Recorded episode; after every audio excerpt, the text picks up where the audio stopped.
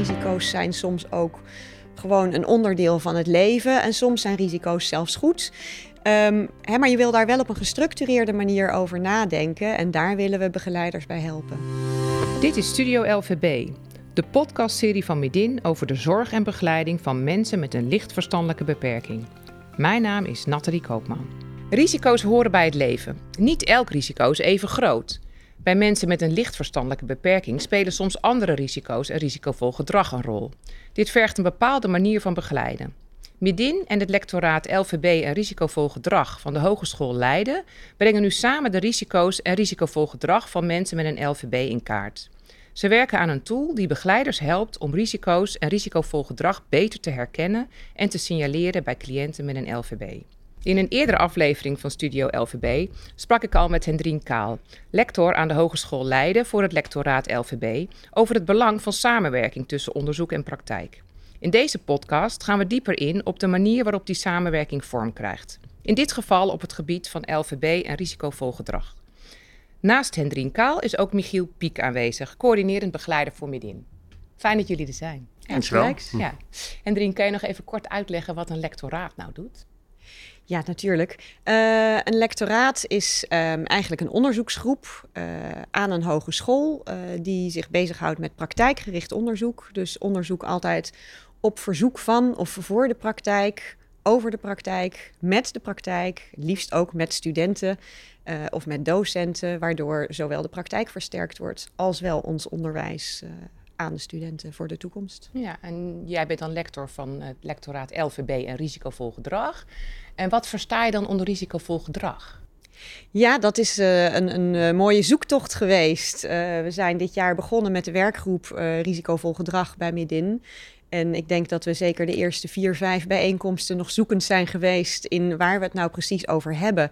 Um, ik ben zelf uh, nou ja, met het lectoraat eerst jaren bezig geweest met uh, LVB en criminaliteit. Criminaliteit valt daar zeker onder. Um, maar als je nou denkt vanuit die criminologische hoek, dan zie je vaak dat risico eigenlijk alleen maar gedefinieerd wordt als het risico op uh, recidive, hè, dus op het weerplegen van delinquent gedrag. Uh, en wij kwamen er met de groep al snel achter dat het voor ons heel veel breder lag dan dat. Hè. Eerst op de voor de hand liggende dingen, verslaving, dakloosheid, schoolverzuim, schuldenproblematiek. Maar eigenlijk kwamen we er al pratend steeds meer achter dat dat risico ja, nog, nog een stuk breder dan dat kon zijn. En dat het eigenlijk gaat om, om alles wat je doet wat risico kan opleveren voor je eigen welzijn of voor dat van anderen. Ja, Michiel, jij werkt in de praktijk hè, met mensen met een lichtverstandelijke beperking. Ja. Wat uh, kom jij tegen aan risicovol gedrag bij jouw cliënten? Nou, uh, de doelgroep LVB is wel redelijk kenmerkend dat er ook veel zorgmijdend gedrag uh, naar voren komt. Hè. Dus de acceptatie van zorg en het inzicht hebben dat zij eigenlijk zorg nodig hebben, is iets waar een hoop bewoners van ons wel problemen mee hebben. Uh, daarnaast inderdaad hebben wij een aantal cliënten die forensische achtergrond hebben. Dus daar is heel duidelijk welk uh, delictgedrag zij hebben gepleegd. Hè, uh, verslaving, middelengebruik. Het zijn allemaal zaken waar risico's aan, aan hangen. Waar je eigenlijk met elkaar goed op in wil zoomen van... ja, is dat nou een groot risico of is dat een klein risico? En wat zijn de gevolgen die daarvan van kunnen komen? En moeten we daar wat mee? Of moeten we ons alleen daarvan bewust zijn dat het een risico is? En waarom is het dan juist voor de mensen met een lichtverstandelijke beperking uh, zo belangrijk om die risico's in kaart te brengen? Nou, ik denk dat het voor iedereen op zich belangrijk is. Alleen uh, de LVB-doelgroep kenmerkt zich door dat ze zich uh, vaak niet het oorzaak en het gevolg zien. Dus zij hebben vaak dat, dat beperkte inzicht in hun eigen beperking en uh, de gevolgen van de risico's die zij lopen. Ja, want je hebt ook een, uh, gesproken met een cliënt van jou, hè, Simon. Ja. En die uh, verzamelt veel. Ja, die heeft verzamelwoede. Ja, en het risico daarvan is dat hij uiteindelijk nu richting huisvesting zijn woning dreigt kwijt te raken. Ja, Zo dus, ernstig gaat dat. Ja. ja. Nou, we gaan even luisteren naar hem. Ja.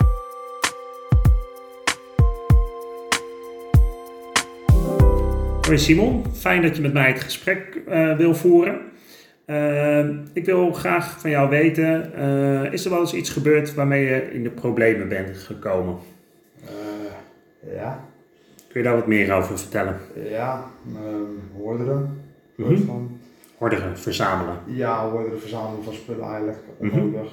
Ja. Ehm, ja, enigszins een tijd geleden eh, iets wat gerepareerd mo- moest worden wat in mijn woning was. En ik was toen al redelijk aan het hoorderen. Ik zou persoonlijk zelf nog zeggen, het was nog niet zo erg als dat het werd. Mhm. En ja, er is een reparateur vanuit de woningbouw gekomen voor de, de reparaties. Mhm. En die hebben op een gegeven moment foto's van de rest van mijn woning gemaakt. Waar ik het eigenlijk helemaal mee eens ben, want ik vind nog steeds, je hoort dat te vragen. Kijk, Ja. Had hij de desbetreffende ruimte alleen gedaan en niet mijn slaapkamer meegenomen, dan had ik het helemaal goed gevon- gevind, Mhm. gevonden. Mhm. Ik was het er niet helemaal mee eens, maar de slaapkamer is toch wel echt je privéplek. Mhm. En toen? ja, dat, toen ja, was ik ook aardig aan het slopen geweest in de woning door meerdere incidenten ook. Mhm.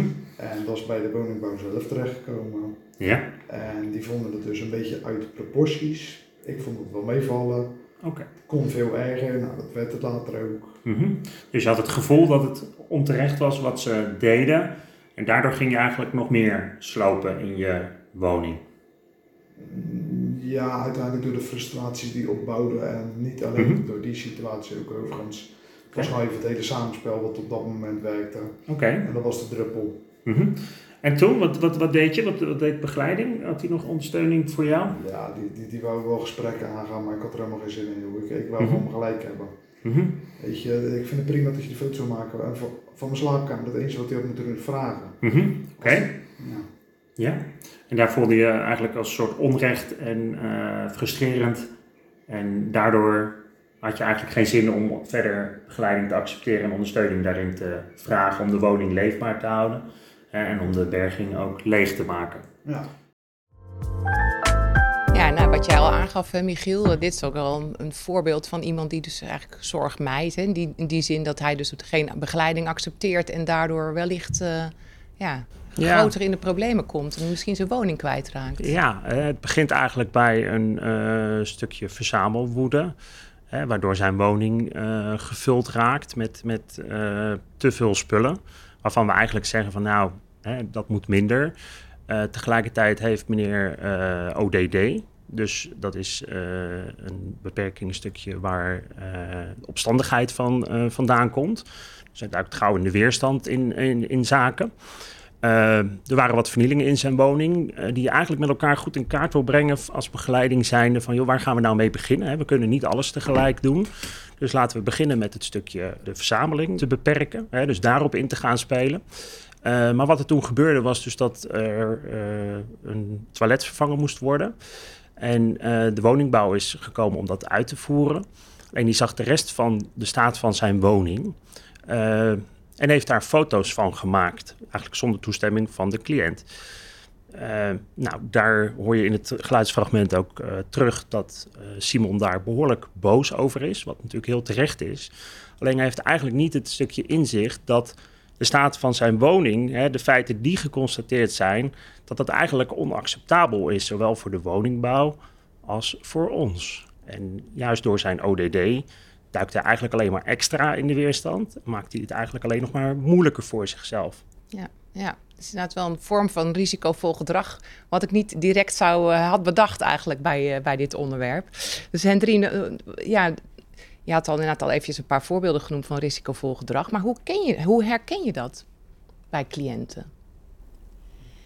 Ja, soms is dat denk ik heel erg duidelijk. Dan is dat niet zo moeilijk. Ehm, ik weet ook niet of herkenning van, eh, van de problematiek nou eh, het grootste probleem is. Hè? Het grootste probleem is over het algemeen eh, om ervoor te zorgen dat je de signalen die er zijn op een goede manier bij elkaar brengt en dat je daar op een gestructureerde manier over nadenkt. Ehm, en ik denk het instrument wat wij aan het ontwikkelen zijn, hè, waar je al eventjes eh, naar hintte eerder, eh, dat is ook niet een instrument dat die, eh, die herkenning op zich ehm, brengt. Hè? Dat instrument dat heeft de herkenning nodig. Die begeleider die moet die problematiek herkennen of het team moet problematiek herkennen en die verschillende signalen moeten bij elkaar komen, eh, bij elkaar komen te staan, zodat je ook kan zien of verschillende risico's eventueel elkaar, elkaar versterken En zoals Michiel al zegt, hè, dat je kan bedenken met elkaar van waar ligt de prioriteit dan? Hè? Want je kan niet alles tegelijk aanpakken. Je wil misschien ook niet alles aanpakken. Niet elk risico hoeft aangepakt te worden. Risico's zijn soms ook gewoon een onderdeel van het leven. En soms zijn risico's zelfs goed. Um, hè, maar je wil daar wel op een gestructureerde manier over nadenken. En daar willen we begeleiders bij helpen. Ja, want, want Michiel, als jullie um, nu kijken naar uh, risicovol gedrag bij jullie cliënten, lukt dat dan altijd om dat op tijd ook te signaleren? Of? Nee, zeker niet. Uh, omdat je er vaak pas achter komt uh, als iets oploopt. En daarom vinden we het ook belangrijk, hè, wat Hendrien zegt, dat we een instrument eigenlijk ontwikkelen waarin je bewust gaat nadenken van wat is nu de situatie? Bijvoorbeeld uh, digitaal gedrag. Uh, als iemand uh, iets online wil bestellen, ja, we doen het allemaal. maar dat is op zich geen risicovol gedrag. Maar als je gaat inzoomen en bekijken van hey, wat voor vaardigheden heeft iemand om digitaal iets te kunnen bestellen of om op het internet actief te zijn. Ja, als je die beeldvorming goed creëert, dan kom je misschien achter dat de cliënt bepaalde vaardigheden mist. Waardoor de kans dat, dat er uh, vervelende gevolgen uh, ontstaan op het moment dat iemand bijvoorbeeld een bestelling doet op internet bij een onbeveiligde website.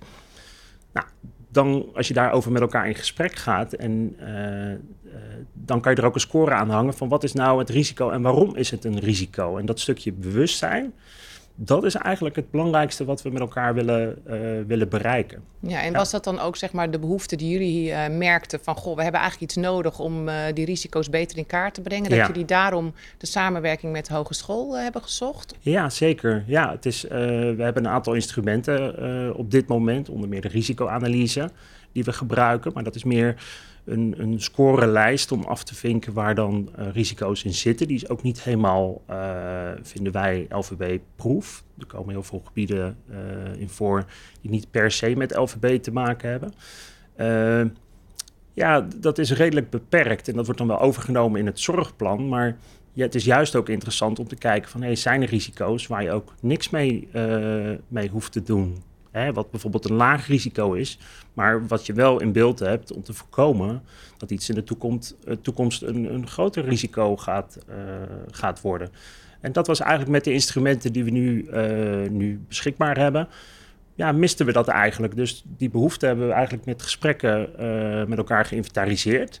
En daar kwam eigenlijk uit van, nou, we hebben die tool, die nieuwe tool hebben we met elkaar nodig. Hè, om dat goed te kunnen meten, om dat te kunnen onderbouwen en daar een stukje bewustzijn van te, uh, te creëren. En daar hebben jullie dus een werkgroep voor, hè, samen met uh, de Hogeschool Leiden. En uh, Hendrien, jij leidt die werkgroep. Um, want in hoeverre ontwikkelen jullie nu iets wat, um, ja, nou ja, wat er nog helemaal niet is, dat, is dat, dat wil je natuurlijk. Maar er is dus al heel veel. En waarin onderscheidt zich dan wat jullie nu ontwikkelen? Nou, daar zijn we heel erg zoekend in geweest. Hè. Wat ik zei, de werkgroep bestaat nu een jaar. Die komt eens in de drie weken bij elkaar. En in eerste instantie hebben we inderdaad in kaart gebracht van wat is er nou al? Michiel noemt net al de risicoanalyse. Dat is een lijst die eigenlijk uh, afkomstig is uit de gehandicaptenzorg in brede zin. Dus die uh, op een andere doelgroep afgestemd is dan de doelgroep waar wij mee bezig zijn. Uh, er is ook een, een lijst bijvoorbeeld voor veilig huisbezoek. Uh, waarvan eigenlijk in, in uh, de werkgroepen gezegd werd: ja, die gebruiken we niet of nauwelijks. Uh, als we hem invullen, trekken we ons er niet zo heel veel van aan wat eruit komt. Want eigenlijk valt die bij onze cliënten bijna altijd in het rood uit. Met als conclusie dat we niet op huisbezoek zouden mogen gaan. Terwijl dat is de kern van ons, hè, van ons werk. De kern van ons werk is dat we naar die huizen gaan, dat we ons opdringen. juist voor die wat zorgmijdende cliënt, hè, die daar niet meteen op zit te wachten als we die altijd zouden moeten vragen om naar kantoor te komen, zien we hem niet meer. En dus zo hebben we verschillende instrumenten bekeken, ook, ook buiten, uh, buiten midden, buiten de gehandicaptenzorg, van wat is er nou zo al en waar kunnen we uh, op bouwen, waar kunnen we van leren. Um, maar eigenlijk zijn we tijdens die zoektocht inderdaad niet één lijst tegengekomen die precies dat deed wat we, wat we graag wilden. Hè, en dat is dat met voldoende nuance in kaart brengen van die risicogebieden waarvan we zeggen die zijn juist bij deze doelgroep LVB zo van belang. Ehm, en dan hebben we het wel alsmaar hè, over inderdaad risico's waarvan je op voorhand zegt, nou daar zou je eventueel wel wat in willen kunnen voorkomen. Hè? Want wat, wat ik eerder zei, ja, risico's is heel breed. Niet alles wil je, wil je voorkomen. Um, maar je kunt natuurlijk wel een onderscheid maken tussen, tussen gebieden waarvan je zegt, ja, dit zien we toch wel heel vaak fout gaan bij deze doelgroep. Daar moeten we op zijn minst alert op zijn. Um, en gebieden waarvan je zegt, ja, maar dat, dat doet iedereen. Hè? Ik ben zelf dit weekend naar de kermis geweest. Daar kan je ook van zeggen dat het risicovol gedrag is. Um, maar dat hoort er wel gewoon Kun bij. je een paar voorbeelden noemen van die gebieden dan? Um, ja, wat ik eerder al zei, hè, er zit natuurlijk wel het een en ander op het gebied van, uh, van uh, criminaliteit. Dus het, het, het, crimineel gedrag plegen, maar ook de, de, het risico om slachtoffer te worden van, uh, van criminaliteit. er zit het een en ander op het gebied van middelengebruik. Maar er zitten ook risico's op het, uh, hè, in, het sociale netwerk. Uh, hoe beïnvloedbaar ben je? Hoe stel je je op? Uh, wat Michiel al zei, hè, risico's in, in, in hoe goed is deze cliënt in het overzien van oorzaak en gevolg. in het overzien van de eigen mogelijkheden en dus ook de eigen beperking. in het, het accepteren van hulp. Dus het, is een vrij, het zijn vrij brede gebieden. Um, waarvan je van elk gebied zou kunnen zeggen, daar zou je nog veel gedetailleerder in kunnen duiken. Maar dan wordt zo'n instrument weer niet hanteerbaar. Um, dus nou ja, daar, die zoektocht, hè, daar zijn we ook nog niet uit. We zijn nog midden in het ontwikkelen van het instrument, hoewel het wel steeds tastbaarder wordt. Maar wordt het dan een soort vragenlijst of een soort checklist? Of hoe moet je dat, hoe moet je dat voorstellen? Ja, de, werk, de, de, de, het, het, het, de werktitel nu is de thermometer. Uh, hè, waarbij we inderdaad die verschillende domeinen uh, uh, definiëren. Van waar bestaat zo'n domein dan uit? En dat kan dan gescoord worden op een 0 tot 10. Hè, waarbij 0 betekent helemaal geen risico op dat gebied. En 10 betekent echt een ernstig risico. daar moet je echt wel iets mee. Um, hè, zodat je ook inderdaad met wat, wat meer nuances dan op de lijst die, die er was, uh, kan weergeven, behoorlijk wat meer nuances, kan weergeven van goh, waar zit iemand nou? En, en uh, dus ook kan zien, hopelijk, zit er groei in of glijdt iemand juist af richting een bepaald ja, risico? Ja.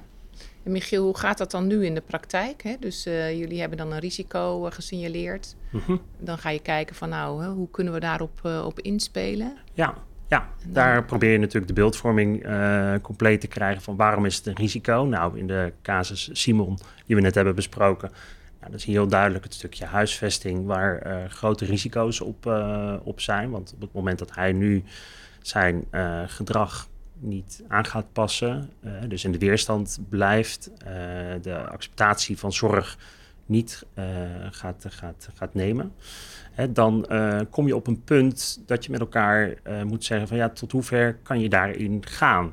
Hè, uh, we hebben te maken met onze eigen normen en waarden. maar je hebt ook te maken met een woningbouwvereniging. Hè, die kwam naar voren. Die natuurlijk ook aangeeft van goh, dit is eigenlijk onacceptabel. Uh, hij veroorzaakt regelmatig overlast, dus uh, ook omgeving heeft daar natuurlijk een invloed op. Dus dat zijn allemaal factoren die je met elkaar eigenlijk probeert in kaart te brengen. En daarop een afweging te maken. En dat doe je natuurlijk niet alleen als begeleider. Dat doe je samen met gedragsdeskundigen, hè, uh, met een zorgmanager, soms ook de AVG-arts.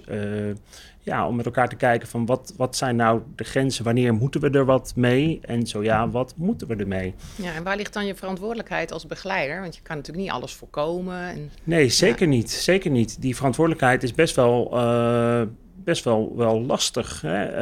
Uh, je voelt je vaak verantwoordelijk voor je uh, cliënt. En onze verantwoordelijkheid ligt vooral om in het delen en die keuze ook gezamenlijk te maken. Want op het moment dat je hem alleen maakt, ja, dan, ja, dan, dan voelt dat ook, ook anders dan dat je die keuze goed wel overwogen maakt. En bijvoorbeeld bij Simon. Ja, is het wel lastig. Hè? we kunnen nu zeggen, je kan niet meer in de woning wonen. En je moet de woning uit, wat gevolg heeft dat de heer op straat komt te staan. Maar lossen we daarmee uh, het probleem op? Ja, ons probleem, maar Simon zijn probleem niet. Hè, dus eigenlijk willen we kijken van hoe kunnen we situaties zo uh, ja, met elkaar aanpakken dat, dat Simon toch bij ons kan blijven wonen, maar dat we hem toch zover krijgen om die acceptatie van zorg uh, te, te, te accepteren. En dat is een hele uitdaging. Ja, dat lijkt me ook best lastig met dilemma's hè, waar je het net over had. Van ja, goed, uh, hoe ga je daar dan mee om? Ja. Dat is, ja. ja. Ik denk wel een, eh, een, belangrijk punt hè, van wat jij net ook zegt. Van ja, je voelt je vaak verantwoordelijk. Maar hier zit wel een, een pijnpunt hè, in dit onderwerp. Ik denk, uh, um, zorgmedewerkers voelen zich inderdaad over het algemeen heel verantwoordelijk hè, voor het welzijn van hun cliënt. Dat zijn ze op heel veel manieren natuurlijk. Uh, hè, daar, daar draag je medeverantwoordelijkheid voor. Um, maar ik denk ook dat er vaak vanuit de buitenwereld uh, een visie is dat zorgmedewerkers verantwoordelijk gehouden kunnen worden voor het voorkomen van bepaalde risico's. En daar zit wel een heel lastig knelpunt, omdat het hier toch vaak gaat over cliënten die gewoon maar de autonomie hebben om zelf te beslissen wat ze wel en niet doen.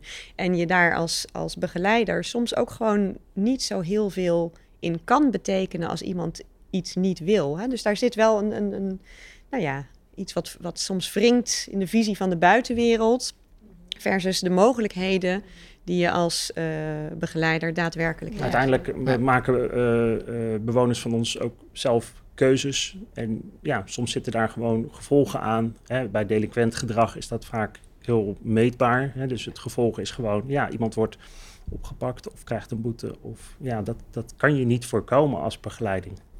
Ik denk wat belangrijk is, hè, is dat je realiseert dat, dat uh, de term risico al meteen duidelijk maakt dat er onzekerheid in zit. Hè. Een risico is de kans dat iets gebeurt. Dat is niet de zekerheid dat iets gebeurt, met de mogelijkheid op een bepaalde hoeveelheid schade. En dat betekent dat je, uh, zelfs al zou je een cliënt hebben die, die alles goed vindt in de begeleiding, er blijft nog steeds een kans dat dingen misgaan. Want een risico is altijd een kans dat dingen misgaan. En wat je wil kunnen doen, is dat je uiteindelijk kan zeggen van goh, hè, binnen de, de context die er was, met de informatie die er was op het moment dat wij met z'n allen bedachten hoe we gingen handelen, um, met de mogelijkheden die er waren, hè, de wil van de cliënt, maar ook de wil van een woningbouw, um, hebben we gekeken welk risico er was en welke, uh, welk pad uh, het beste pad leek te zijn. En als je dat op een goede manier kan verantwoorden achteraf, dan zou er niemand moeten kunnen zijn die zegt: het is toch fout gegaan, dus je hebt het fout gedaan. Nee, je hebt op dat moment met de beste informatie in, de, uh, in die context het beste pad gekozen om die schade zoveel mogelijk te beperken. Maar het leven is risico nemen. Het leven is de kans lopen dat er dingen misgaan. En dat is ook heel belangrijk. Um, dat, dat vinden we in dit project ook heel belangrijk om dat steeds te benaderen. Dat het praten over risico's niet moet leiden tot een, een, een risicoaversie. Het moet niet zo zijn dat omdat wij meer over risico gaan praten met z'n allen, omdat we uh, het zo goed mogelijk willen doen, dat dat betekent dat we zoveel mogelijk risico's gaan vermijden. Want risico's zijn ook heel belangrijk die zijn belangrijk voor, uh, voor, voor kinderen, die zijn belangrijk voor, voor jongvolwassenen, zijn ook heel belangrijk juist voor deze cliënten met een LVB. Want doordat je het risico loopt dat er af en toe iets fout gaat, heb je ook de mogelijkheid om te leren. Heb je de mogelijkheid om je grenzen te verkennen, heb je de mogelijkheid om te ontdekken dat je sommige dingen wel kan, ook al dacht iedereen dat je dat misschien wel niet zou kunnen. Uh, heb je de mogelijkheid om zelfvertrouwen op te bouwen. Dus je moet niet in een situatie terechtkomen waarin je alle risico's risico's probeert af te dekken. En dus je moet juist alsmaar uitgaan van die, nou ja, die kansberekening, van wat zijn de mogelijkheden en vanuit dat perspectief, wat kan ik doen om, om die, de schade zoveel mogelijk te beperken. Ja, dat is mooi dat je dat zegt, uh. En dat is inderdaad ook het uitgangspunt. Soms kies je bewust om een bepaald risico te laten nemen. Uh, dus, dus bijvoorbeeld een cliënt nou, die op internet uh, voor een heel goedkope prijs een heel duur artikel uh, ziet. Nou, daar kan je uh, met elkaar de vraagtekens bij stellen van, hey, klopt dat wel? En dat kan je natuurlijk naar de cliënt gaan benoemen van, goh, volgens mij moet je dat niet doen. Hè, want uh, dat kan nooit dat je voor 20 euro iets, iets van 200 euro winkelwaarde koopt. Hè, en dat kan je heel veel gaan benoemen. En dat kan je zeggen, nou, ik verbied het je. Maar daar leert een cliënt niks van. Hè? Dus, dus op het moment ja, eh, hebben wij, zeggen wij ook wel eens tegen bewoners van ons van, goh, nou, ga het maar doen. Dan schat ik dus in als begeleiding van wat is het risico? Nou, in dit geval iets van 20 euro. En, ga maar kijken of het zo werkt. Nou, uiteindelijk blijkt het dus dat het een, een fraudeleus uh, iets is en dat de cliënt nooit zijn artikel heeft gekregen. Nou, de cliënt baalde daar natuurlijk behoorlijk van. Maar een betere manier van leren is er niet. Hè? Uh, gecontroleerd dit laten gebeuren en daarna met elkaar in gesprek gaan van, goh, wat gebeurde er? Hoe kunnen we dit nou de volgende keer voorkomen? Uh, dat zijn zaken, daar valt dan de winst in te behalen. En dan laat je dus bewust een risico lopen. Ik zie alsmaar het beeld vormen van de evenwichtsbalk. Hè? Je hebt iemand die over een hoge evenwichtsbalk wil gaan lopen, maar die dat nog niet kan. Uh, dan kun je een aantal dingen doen. Je zou kan zeggen, nou probeer het maar. Uh, met als gevolg dat iemand uh, een paar meter naar beneden valt en zijn nek breekt. Nou, misschien is dat dan niet zo handig. Dan kun je zeggen, doe het maar niet. Maar dan weet je ook dat iemand nooit leert evenwichtbalk lopen. Je kunt ook zeggen van nou weet je wat, we hangen een of ander veiligheidsharnas op. Of we geven je een handje of we leggen een heleboel kussens om die balk heen. Um, en ga maar proberen. Hè, en die laatste opties, dat zijn natuurlijk wel de opties die je in de zorg zoekt. Hè, de, de mogelijkheden om iemand toch op die evenwichtsbalk te zetten. Om, om te kijken van, nou, kun je dat leren? Kun je met steeds minder steun toe? Uh, maar je wil wel die schade beperken. Ja, dat is een mooi, uh, mooi beeld om mee af te sluiten. De metafoor van de evenwichtsbalk. Uh, en jullie heel erg bedankt voor dit gesprek. Graag gedaan. Wil je geen aflevering missen? Abonneer je dan op Studio LVB in je favoriete podcast-app. Ben je enthousiast? Deel dan je reactie op social media.